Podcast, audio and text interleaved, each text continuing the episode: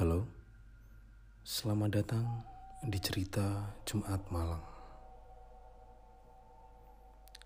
Kali ini aku akan menceritakan kejadian yang dialami penghuni kos di kamar sebelah, yaitu Aji. Kejadian ini masih terjadi di tempat yang sama seperti pada episode awal misteri di kos. Ini terjadi selang beberapa hari dari kejadian di episode tersebut. Kala itu Aji sedang sendiri di kos, berjibaku di depan laptopnya, gabut, dan kebosanan gak bisa tidur. Malam memang belum terlalu larut, masih sekitar pukul 9 pukul 9 malam.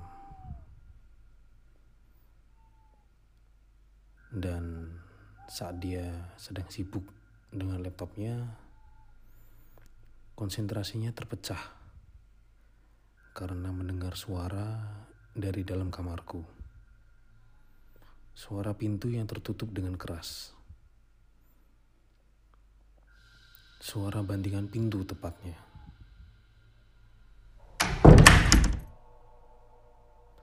Yaitu pintu kamar mandi di dalam kamarku.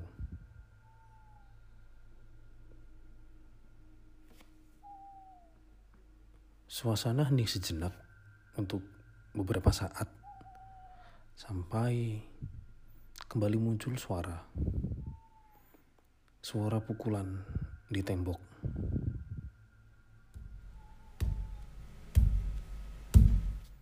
Tepatnya tembok yang menjadi batas antara kamarku dan kamar dia. Waktu itu Aji belum berpikir apa pun tentang suara itu. Dan dia hanya berpikir kalau oh memang aku sedang di dalam kamar.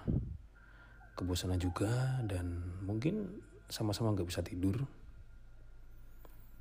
Aji memutuskan untuk menghampiri kamarku.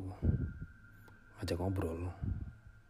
Ngajak ngobrol di teras kos daripada bosan di kamar mending ngobrol pikirnya.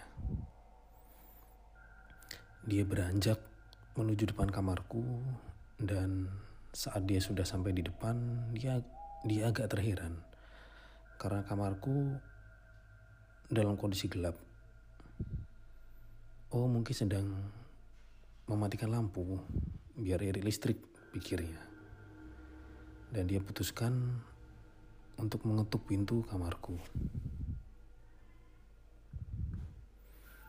Beberapa saat berlalu, tapi gak ada jawaban. Diketuk lagi, dan tetap senyap. Dan dia ketuk sampai beberapa kali, namun tetap tidak ada sautan dari dalam. Oh, mungkin dia sedang youtubean sambil pakai headset. Ya makanya nggak dengar ketukan pintu. Pikirnya lagi. Lalu iseng dia coba chat ke nomorku. Basa-basi hanya sekedarnya. Sekedar nanya.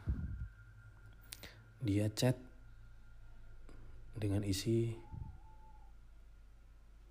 Mas lagi di mana? Ngopi yuk waktu itu aku masih sedang di kantor, sedang lembur karena memang sedang ada event di kantor dan juga sedang banyak pekerjaan yang harus diselesaikan.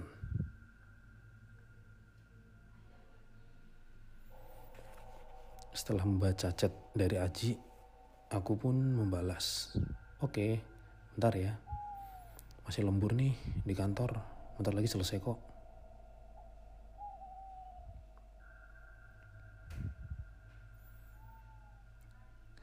Aji terkaget mendengar balasan balasan chat dariku. Karena kalau aku lagi di kantor berarti kamar itu kosong kan? Lalu siapa yang ada di dalam kamar? Siapa juga yang membuat suara-suara tadi? Seketika bulu kudungnya berdiri. Kakinya pun mulai lemas dan dia bergegas ke kamar. Sembari menunggu, aku pulang ke kos. Menunggu sampai benar-benar ada orang. Manusia yang ada di dalam kamar itu.